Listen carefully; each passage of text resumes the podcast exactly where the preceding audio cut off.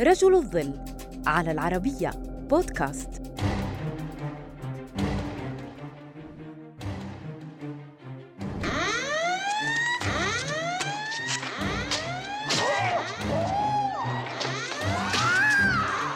ليس سهلا أن تصبح نجما في هوليوود ولكن بعض المهارات غير الاعتيادية قد تمنحك الفرصة. بروسلي الذي لقب بالتنين الصغير كان أحد هؤلاء النجوم حيث اشتهر في الخمسينيات بسبب إتقانه الفنون القتالية.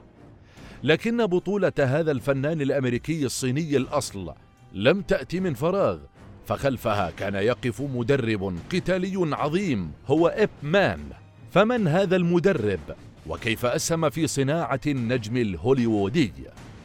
ولد إب مان عام 1893 في مقاطعة غوانغ دونغ الصينية فأرسله والده لتعلم الفن القتالي الصيني المعروف باسم وينغ شون الذي يعود أصله لأكثر من 300 عام. تدرب إب لثلاث سنوات على يد المعلم جان واشون الذي كان تلميذا ليونغ جان أحد أكبر الأساتذة حينها ثم انتقل لهونغ كونغ لمتابعة دراسته الثانوية. وهناك قبل منازلة ليونغ بيك أحد معلمي الكونغ فو الكبار دون أن يعرف أن والده هو ليونغ جان أحد أهم مدربي الكونغ فو آنذاك ومدرب أول معلمي إب في طفولته. وخسر مان النزال وتعهد بعدم العودة للكونغ فو مرة أخرى لكن ليونغ جان استقطبه وأشرف على تدريبه. عاد إب إلى موطنه ليصبح ضابط شرطة. ويعطي دروسا في فن وينغ شون وعرف كمعلم كبير فيه. في عام 1949 غادر إب إلى هونغ كونغ البريطانية إبان تولي الحزب الشيوعي السلطة. وهناك بدأ في تدريب الفنون القتالية بشكل مستقل. افتتح مان مدرسة لتعليم فن وينغ شون في هونغ كونغ وهنا تعرف على بروسلي. الذي كان في الثالثة عشرة من عمره. أصبح بروسلي بارعا في فن وينغ شون وساعده ذلك في الحصول على فرصته للنجومية وحافظ على علاقته بإب الذي بقي معلما له ومرشدا لم ينقطع عنه لاحقا.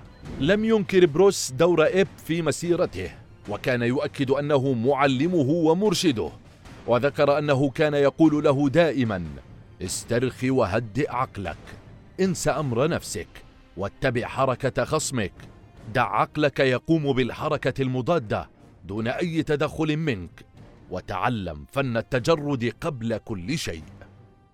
عانى إب من ظروف اجتماعية صعبة فقد اضطر للابتعاد عن زوجته التي بقيت وحيدة في الصين بسبب إغلاق الحدود مع هونغ كونغ ثم توفيت وهو بعيد عنها. وعندما تزوج مرة أخرى أصيبت زوجته بالسرطان وتوفيت ليترك وحيدا مرة أخرى. لم يحتمل إب هذه الوحدة وغرق في دوامة إدمان الأفيون فتدهورت صحته وأضاع أمواله.